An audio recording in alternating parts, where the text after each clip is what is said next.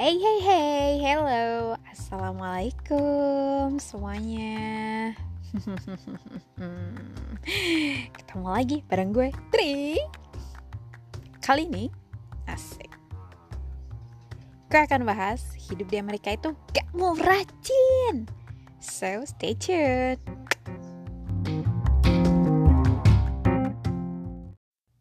Hai, oke, jadi kalian akhirnya bisa mendengarkan suara cempreng aku yang uh, berkemungkinan bisa merusak gendang telinga kalian.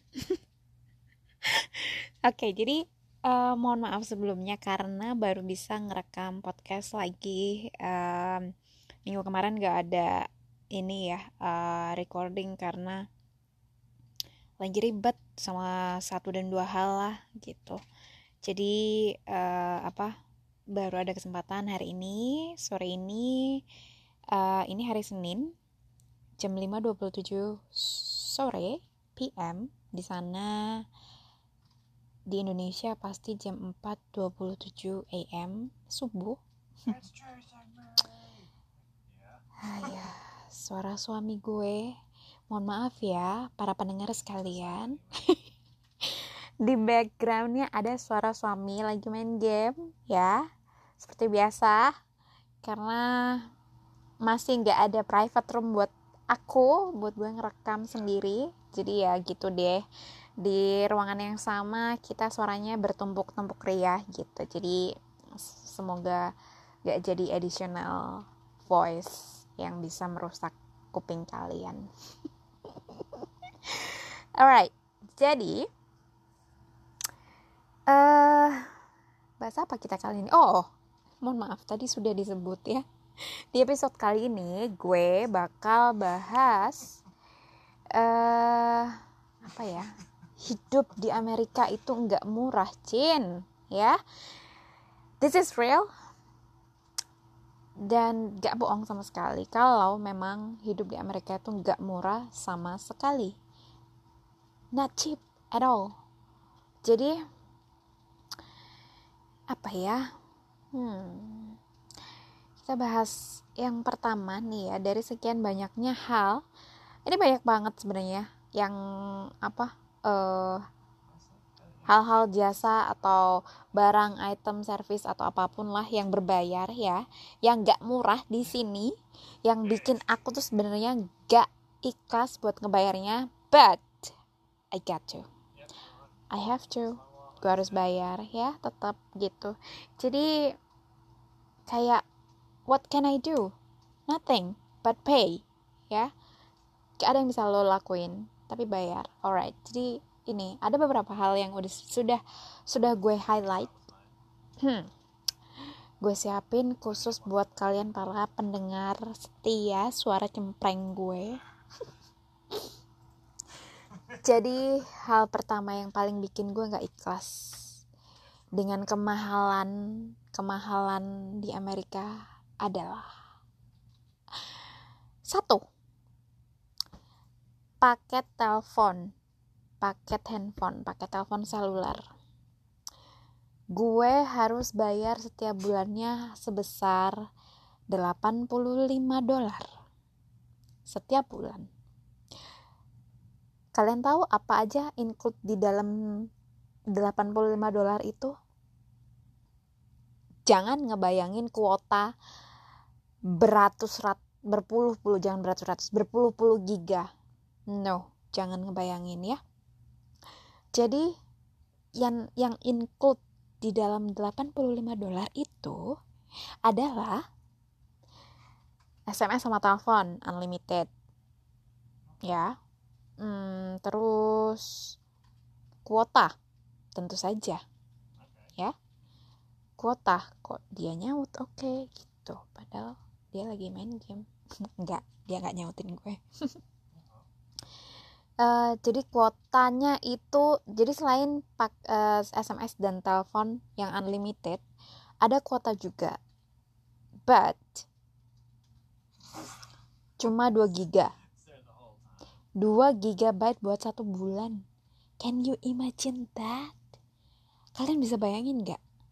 2 GB buat gue orang sosmed bocah sosmed ini yang suka nge-scroll akun hosip di Instagram yang suka baca uh, ini apa uh, cerita-cerita horor di grup Facebook ya 2 giga yang suka nge-streaming Spotify lagu-lagu setiap harinya.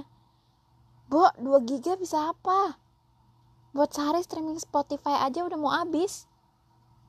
Ya, ini cuma 2 giga di sini. Serius.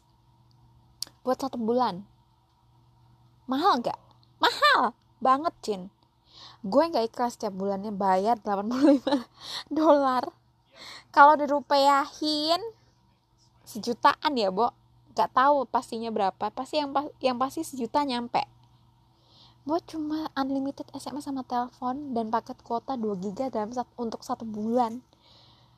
Oh my god. Gue yang biasa bermandikan kuota waktu gue masih di Indonesia ya yang gue nggak pernah kehabisan kuota nggak pernah jadi fakir kuota di sini sekarang gue melarat sama melarat melaratnya kuota bayang nggak udah mahal kuota cuma 2 giga pula usut punya usut nih ya jadi karena di Amerika itu guys pemakaian aplikasi chat kayak WhatsApp, Messenger, gitu-gitu. Itu option kesekian. Jadi di sini warganya ya, kita itu komunikasi setiap hari, texting or chatting itu tuh lewat SMS. Pakai WhatsApp ada kali satu dua tiga orang lah ya. Dari per 10 orang misal. Karena emang jarang banget yang pakai aplikasi WhatsApp gitu-gitu. Di sini tuh kita setiap texting pasti SMS ya telepon itu. Jadi nggak yang lewat aplikasi WhatsApp Messenger gitu-gitu deh yang gampang. Emang sih aplikasi itu kan kalau texting chat chatting kita lebih seru ya karena kan ada emoticonnya ya kan? Bisa sih di SMS kasih emoticon tapi ya itu makan SMS lebih dari satu lembar ya Bo. Satu stiker aja eh satu stiker satu emoticon aja yang lo taruh di situ. Lo tambahin beberapa kata dua atau tiga kata udah masuk dua pages Bo. Bener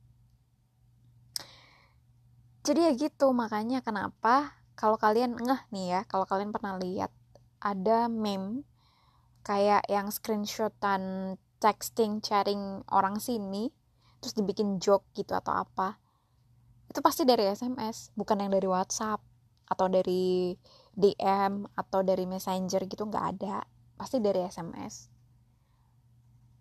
ya karena di sini nggak biasa kayak gitu nggak biasa pakai aplikasi jadi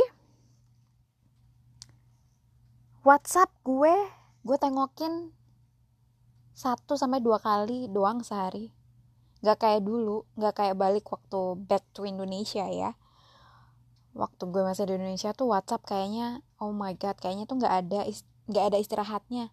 Sampai jam selesai kerja pun nih di atas jam 5 sore itu WhatsApp masih centang centung centang centung. Capek ngeliat WhatsApp itu yang isinya yang ada dari klien lah yang dari uh, apa namanya ada dari teman sekolah ya kan? Belum grup ini satu dua tiga buset banyak banget. Ya kan? Untung ada fitur aplikasi di WhatsApp tuh bisa dibikin mute ya kan? Kalau enggak jebol HP kita centang centung setiap hari nggak berhenti. Ya nggak sih? Untungnya sih di situ di dari nggak ada nggak nggak nggak biasanya dipakai aplikasi tuh itu sih. Itu benefitsnya buat gue lebih tenang ya bu enak banget lah pokoknya. Terus kalau kemarin juga back to Indonesia gue pakai WhatsApp standby itu karena gue pakai chatting buat suami. Karena kan nggak bisa SMS-an Jin sama suami waktu LDRan kemarin ya kan? Jadi WhatsApp on 24 jam gitu sama suami. Makanya WhatsApp gue masih kepake dan otomatis sehari bisa gue akses berapa kali nggak kehitung lah ya kan? Setiap ada chat dibuka balas replay gitu lah segala macem. Sekarang gue cuma tengokin satu sampai dua dua kali sehari. Itu pun kalau kalau gue nyemut kalau enggak ya bisa sampai sehari dua kali dua hari nggak gue chat. Eh nggak gue chat nggak gue nggak gue cek. Belibet gue ngomong gitu. Karena emang nggak biasa guys di sini. Jadi buat kalian yang kemarin kalau siapa pun deh nggak kemarin doang uh, kapan pun juga yang nge WA gue terus balasan gue lama gitu-gitu segala macem jangan marah ya karena emang ini alasannya. Uh, gue udah sejak di sini karena uh, gue sudah sama suami dan gak butuh aplikasi chat lagi ya kan bisa ngobrol langsung ataupun kalau misal emergency kita lagi ngemisah ngemisah sebentar nih gak akan sih kita ngemisah yang lama kayak kayak yang berjam-jam gitu enggak paling bisa sebentar dia uh, apa pas lagi di supermarket doang atau kalau enggak lagi di tempat kerja dia lagi di mana gue di mana sms lu di mana kayak gitu-gitu deh. Gak akan gue misah sama dia lama-lama. Jadi makanya gue udah nggak butuh WhatsApp lagi bukan yang nggak butuh masih sih butuh buat video callan buat telepon sama keluarga masih pakai WhatsApp gitu. Cuman ngecekin WhatsApp tuh udah nggak kayak dulu. Which is it is way much better for me. It gives me benefits karena HP jadi lebih tenang gitu. Terus apa lagi? Jadi itu sih guys kenapa aplikasi WhatsApp di Messenger gitu-gitu nggak begitu dipakai di sini. Itu option kesekian. Kita sih selalu pakai SMS sama telepon itu tuh pasti. Makanya kenapa di sini paketan kayak gitu tuh pasti uh, ngecover SMS sama telepon unlimited. Sepengetahuan gue ya. Oh iya ini gue highlight ya sebelumnya. Apa yang gue bilang di sini apa yang gue sampaikan apa yang gue record di sini yang gue ucapin di sini semuanya adalah uh, point of view pribadi ya pengalaman pribadi. Uh, jadi ini jangan kalian jadiin apa ya kayak patokan nanti kalau misal apa sih oh itu katanya tri gini-gini segala macem. Ya kan belum tentu beda orang ngalaminnya beda gitu kan. Maksudnya jangan disamaratakan nanti ya. Karena ini adalah point of view pribadi gue alright alright jadi kita apalagi yang kedua setelah itu tadi deh yang pertama ya udah yang pertama itu tadi paket telepon paket data seluler alright untuk yang kedua apa itu? Kita lanjut after the break. Yuhu, balik lagi. Oke, jadi yang kedua adalah hmm, nge apa ya? Ini adalah harga rumah. Mau jual atau mau sewa ya rumah tempat tinggal deh in general ya. Bisa rumah bisa apartemen ya bisa kondo bisa whatever it is ya. Pokoknya apa pun itu tempat tinggalnya itu nggak ada yang murah guys. Gue kasih tahu. Di New Jersey oh sebelumnya di be, di di uh, lokasi yang berbeda di state yang berbeda pasti harganya beda ya. Karena kan ada yang tempat dengan rate price-nya yang tinggi sama tempat yang rate price-nya rendah gitu ya kan from high to low gitu. Jadi beda-beda uh, jangan nanti terus kalian jadiin patokan sekali lagi ya. Oh kata Tri nanti, uh, ini harga patok uh, harga sewa di sana sekian. Jangan. Alright ini kan di New Jersey gue ceritanya. Oke? Okay? sebelum kalian nanti jadi miss leading or misunderstanding ya yeah, whatever the word. Oke okay, kok jadi ini ya? Ngeselin gini gue kedengeran. Jadi gini yang kedua itu tempat tinggal gak murah. Gue kasih tahu kenapa gak murah. Harga rumah di New Jersey ya untuk rumah kecil kalau di Indonesia kita sebutnya tipe 36 ya. Di sini nggak ngerti gue uh, luasnya seberapa paling sekitar 600 something square feet ya. Uh, itu harga paling murahnya nih harga paling murah ya itu tuh sekitar 120 ribu US dollar. 120 ribu US dollar guys itu kalau lo rupiahin udah berapa? 120 ribu US dollar itu udah satu miliar. Ya gak sih?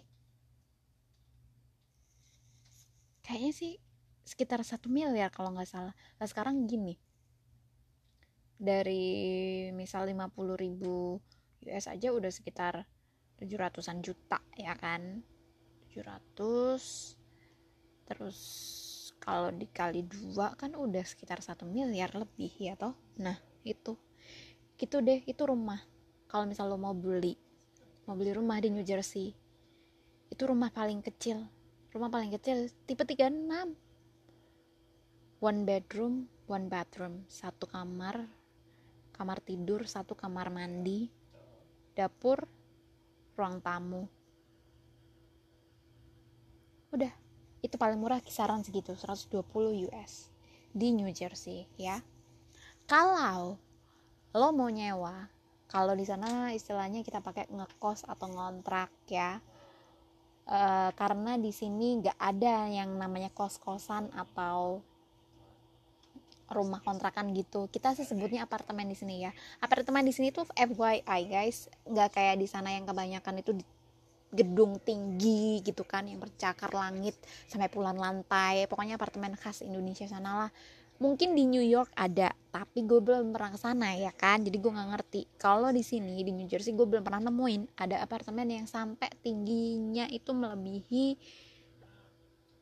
tiga lantai. Itu dan harga sewanya di sini di New Jersey ya paling murah paling murah. Kok gue sedih banget ini mau nyebut angkanya paling murah paling kecil itu sekitar 500 square feet ya. Gue nggak ngerti seluas apa. Um, pokoknya sekit ukurannya segitu sekitar segitu itu sekitar 1200 US 1200 US lo udah rupiahin 10 jutaan lebih ya kan? 13-14 juta ada kayaknya. Per bulan jangan salah per bulan ya. Ada yang sudah include list uh, belum? Nggak nggak nggak nggak ada. Nggak ada sorry. Itu yang include adalah uh, kayak air itu include. Tapi kalau listrik belum gas belum gas buat lo masak belum. Terus wifi belum. Ya. Jadi itu masih kotor ya 1200 itu kisaran 1200 paling murah segitu. S uh, apa namanya? Sempit banget tempatnya. Uh, kemarin ini gue bisa ngomong karena kemarin minggu kemarin banget pas banget kita habis nyari apartemen kan.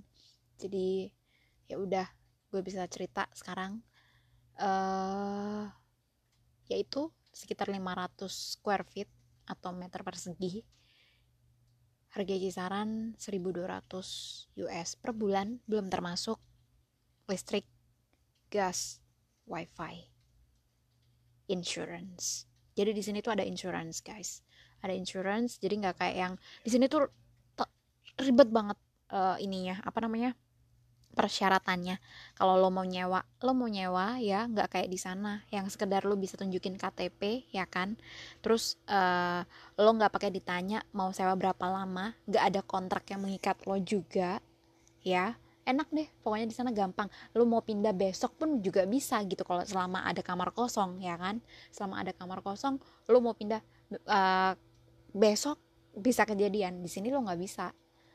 Jadi prosesnya adalah setelah lo ngeliat-liat datang ke lokasi ngeliat-ngeliat diantar sama si konsultannya sama si konsultan apartemennya diantar ngeliat kamarnya kayak gimana fiturnya apa aja ya kan? Terus uh, lu suka apa enggak? Kalau lo suka terus mau lo lo uh, putusin untuk nyewa ngeren gitu nanti prosesnya akan dimintain ID lo ID lo itu bisa uh, yang wajib itu adalah kalau di sini driving license ya nggak ada KTP di sini. Di sini driving license itu pasti gue kemarin pakai uh, green card gue terus uh, apa namanya gue sama suami kedua kita sama-sama dimintain social security number itu pasti itu sudah sudah pasti. Kayak di sana tuh NPWP gitulah gitu. Itu wajib harus ada harus punya. Terus uh, after that kita masih di kontak-kontakan ya kan di email gitu. Nanti kita pak suruh uh, kita dikasih link nih buat nge-apply nge-apply formulirnya online gitu. Kalau kalau kita mau nge-apply nyawa di situ segala macam bla bla bla. Itu kita nyewa. Kita eh kita mau nyewa kita dikasih linknya buat ngisi formulir online gitu. Ribet guys. Itu baru baru awal nih ya kan? Terus setelahnya setelah formulir online-nya disubmit ya uh, mereka masih butuh waktu untuk ngeproses ya kan? Sampai nanti itu ada approval dari dari si landlord alias si owner yang punya tempat gitu. Atau manajemen yang ngelola lah ya si pengelola uh, gedung ngelola si apartemen. Akhirnya sampai nanti kita di approve itu paling nggak makan waktu 1 sampai dua hari kerja ya. Jadi lo nggak akan bisa yang misal lo setelah ngelihat tempatnya oh besok gue mau langsung pindah. Ora iso. Ora iso kaya ngono kuwi ya. Kudu ngenteni. Harus nunggu gitu. Setelah itu eh uh, apa namanya? Nanti akan ada kayak ini mereka akan bikin bakal bikin kontrak gitu yang mana harus kita tanda tangani nanti. Dan termsnya adalah uh, dalam satu kali period of time ya itu paling singkat paling sebentar adalah selama 18 bulan. Jadi lo bakal terikat kontrak, lo harus stay di situ selama 18 bulan gitu. Which is gue yakin nanti gue sih belum baca kontraknya langsung ya, pas, karena kan masih di, diproses sekarang. Uh, apa namanya? Uh, ini apa? Nanti kalau sudah kalau sudah which is gue yakin itu kontrak pasti ada terms and condition lah ya. Kalau misal lo melanggar nanti bakal ada konsekuensinya apa kayak gitu tuh pasti ada. Tapi gue belum bisa ngomong sih belum baca kontraknya gitu. Nah jadi guys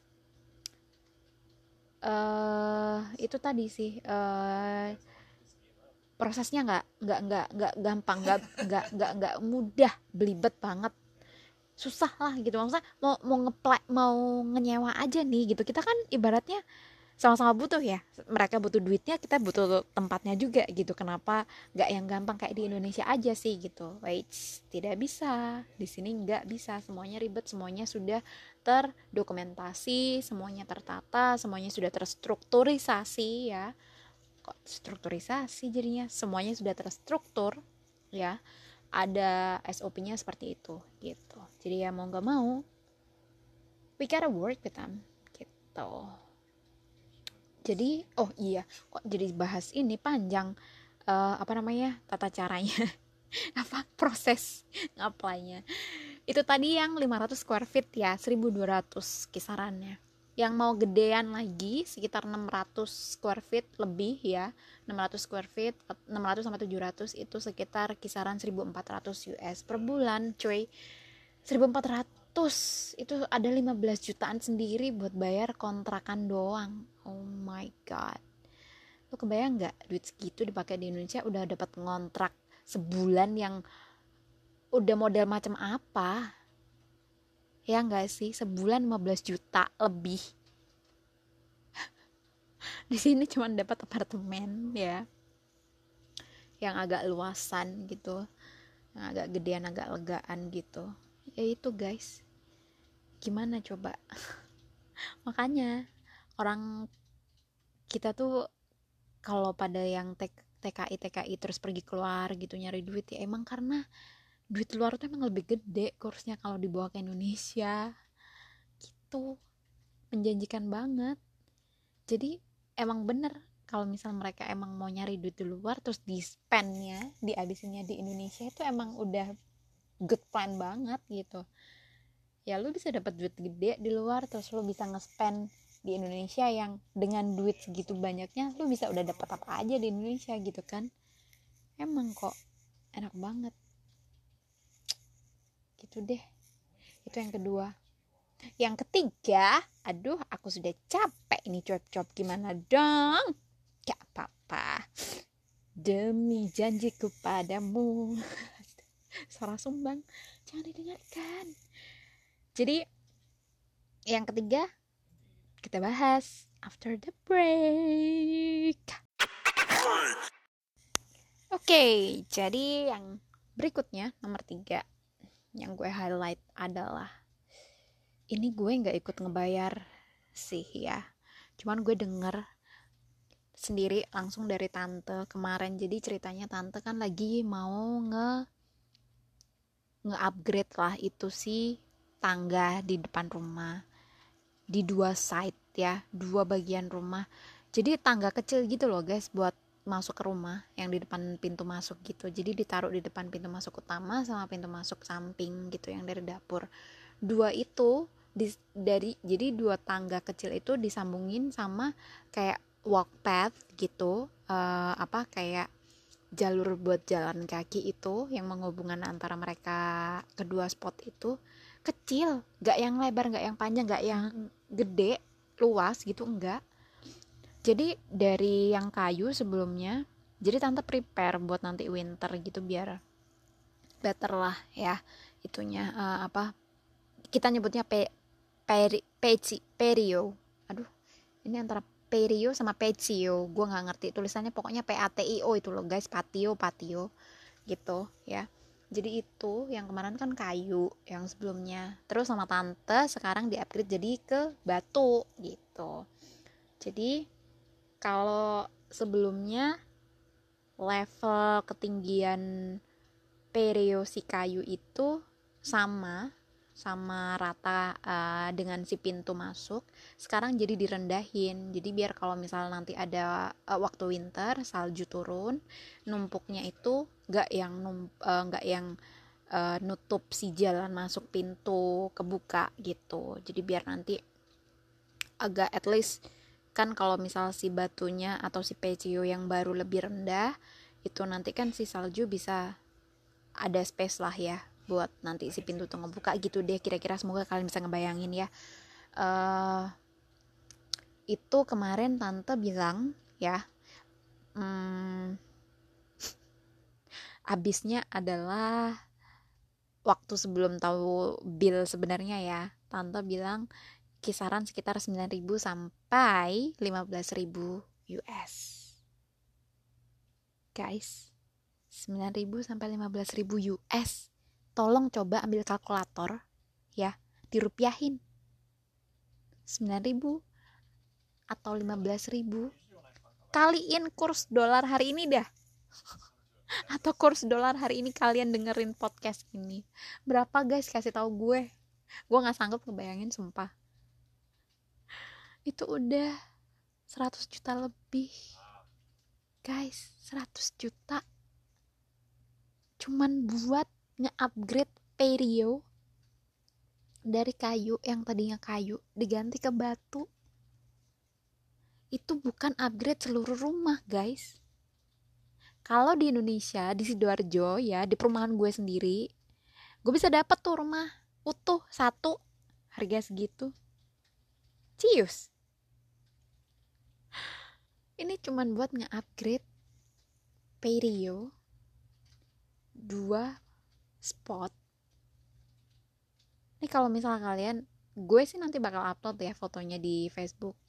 Sekalian ntar gue promosiin podcast ini. Asik. Kalau podcast ini sudah mengudara jadi kalian bisa lihat nanti di Facebook gue kalau kalian sudah terhubung dengan gue di Facebook. Gue sudah ambil foto. I took the pictures jadi waktu proses pengerjaannya masih hari pertama dan kedua sampai hari kelima dan keenam terus sampai akhirnya jadi di minggu kedua ya.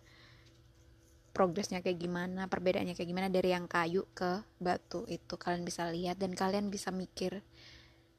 Kalau kalian bisa mikir itu duit yang buat bayar segitu doang itu dirupiahin banyak banget guys sumpah.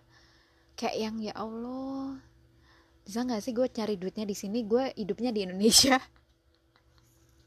Itu yang gue bayangin. Gue yang selama ini gue pikirin tuh kayak gitu guys. Sumpah. Duit di sini gede. Tapi nggak ada apa-apanya kalau buat lo buat hidup di sini juga gitu. Kalau lo bawa pulang ke Indonesia be bisa modal usaha. Demi apa? Demi demi demi demi apa pun demikian ini tabungan kita ya tabungan kita sekarang gue sama suami. Di sini nggak ada apa-apanya guys. Di sana udah gue gue sama suami udah bisa dapat rumah gede. Di sini gue nggak bisa beli rumah. Belum belum keburu duitnya belum turung nutut. Nek jari bang Surabaya durung nutut duit eh duitku kurang nutut rek. Gak iso tuh koma aku nang tapi nek tak gomolin nang Indonesia aku seolah omah gede. Sedih nggak kon? Sedih. Aku sedih. Tapi ini aku cerita aku curhat aku nge-record podcast ini bukan mengeluh bukan komplain ya. Gue cerita gue sharing.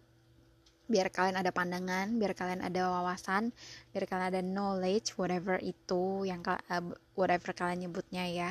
Yang bisa kalian kayak oh jadi di sana emang mahal ya. Nang kono pancen larang yo kak kok nong kene. Pancen guys. Emang iyo. Kak ono sing murah nong kene. Yakin?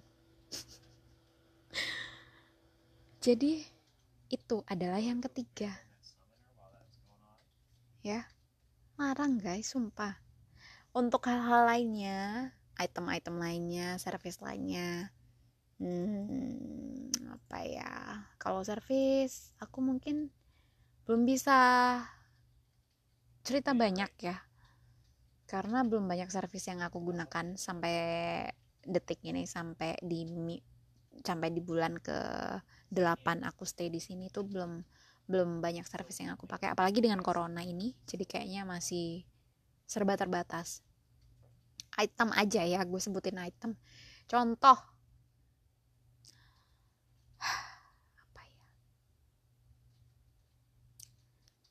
hmm, yang bisa gue compare.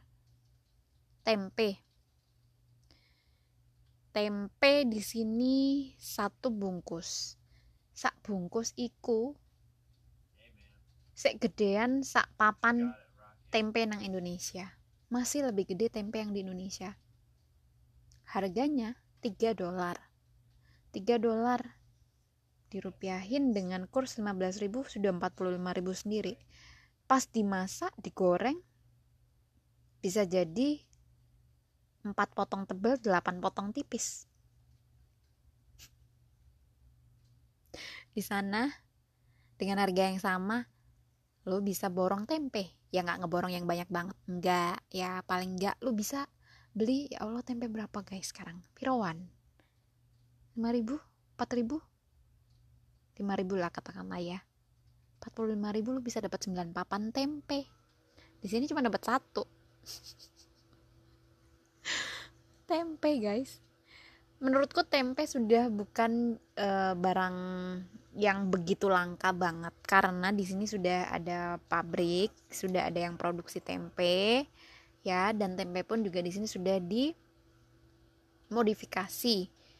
Ada yang original yang pure dele ada yang dicampur biji-bijian lain macam uh, flax biji flax. Aku nggak ngerti biji flax itu apa. Belum pernah lihat juga wujudnya seperti apa. Jadi pokoknya ada dicampur biji flax juga. Ada lagi varian satunya lagi dicampur sama uh, aneka macam bijian. Jadi original delay to ya pure delay yang kedua delay sama flax itu jadi dia itu bijinya hitam gitu. Hitam kayak kuaci tapi hitam. Terus yang ketiga ini campuran banyak biji-biji. Jadi ada beras juga ada barley kedelai. Terus satu lagi apa ya uh, dicampurinnya tuh? Ada lagi satu itunya uh, bijinya. Jadi macam-macam. Nah aku jelas lah suka yang pure karena dia lebih empuk dan teksturnya mirip banget sama tempe di sana kan which is tempe kita kan emang pure kedelai ya toh? Nggak dicampuri kalau yang flex masih oke okay lah masih acceptable karena dia eh, nggak uh, nggak keras nggak sekeras yang si macam-macam ini. Nah yang ketiga itu keras atos guys. Karena dicampur banyak biji-bijian. Ada beras bayangin beras campurin jadi tempe. Beras barley dicampur sama tempe campur sama delai jadi tempe. Nggak enak. Atos gitu. Terus apa lagi? Akeh lah guys pokoknya Dunkin donat.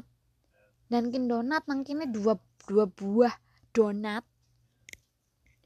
Dua buah donat itu loh guys. Mek rong biji tok. Itu aku nek tuku masih dua biji itu sekitar 2,7 dolar. Tolong puluh hewu nang kono piro sih guys? Sebiji piro sih? Sangat bu itu Starbucks pisan. Nang kene nek ukuran nang kono nek nang kono ukuran grande iku piro? 50-an yo apa piro? Kali aku. Nang kene 5 dolar. 5 dolar digawe 15 sewan wis petong bulu ewu. Starbucks. Pemane yo hmm. Oke sih guys. Bingung aku sampai nyebut noy jadi itu tadi. Jadi tiga itu adalah beberapa expensive things yang gue highlight karena kelewat mahal. Ya yang kalau di Indonesia ini dirupiahin itu wes iso dinggo jajan apa wae ya toh? Sedih tenan sedih. 15 yuto. Mung dinggo ngontrak saulan 15 yuto. Ya salah. Itulah suka duka. Ini termasuk duka ya. Ini termasuk duka. Salah satu duka. Tinggal di Amerika. Itu tidak murah gitu. Jadi emang kok tahu nih kalau misal ada selebriti artis-artis yang sampai pelesiran uh, liburan ke Amerika sampai berminggu-minggu gitu-gitu. Terus mereka pergi ke tempat-tempat yang uh, terkenal gitu ya yang mahal. Itu nyoto guys asli. Itu pasti duitnya mereka emang emang beneran wakeh yo. Orang ngecap temenan pasti. Iku nih magrong-magrong yo. Sing suge kaya raya ngono iku. Ya sing kakean duit bingung duitnya di gua nang di ya kuwi mlayune nang Amerika dinggo foya-foya larang sumpah. Jadi gak ngecap. Pasti backpacker pun nih ya backpacker yang ke sini pun itu pasti pastilah sedia itu uang saku. Paling enggak ya 10 juta pasti ono lah paling enggak sedikitnya. Karena emang mahal banget di sini. Bener income lo gede tapi juga pengeluaran lo gede gitu. Ayah sumpah jadi ya wes lah itu sih guys yang mau aku highlight cerita untuk episode kali ini. Gak usah panjang-panjang ya. Ini kan misinya adalah memberi wawasan kepada kalian memberikan pandangan pada kalian kalau hidup di Amerika itu tidak murah ya. Ngono ta? Hmm, ala buteja jadi uh, saya akhiri di sini untuk episode kali ini. Ntar disambung lagi gue mau bahas apa ya? Gue mau bahas nih kalau sudah nikah mending pisah rumah sama anggota keluarga lainnya. Mau itu ngontrak mau itu ngekos yang penting pisah. Urip dewe tinggal dewe ojo campur. Ya oke okay? pantengin terus. Nanti kita ketemu lagi di next episode. Thank you for listening. Bye bye for now kok jelek banget sih closing gue? Bodoh amat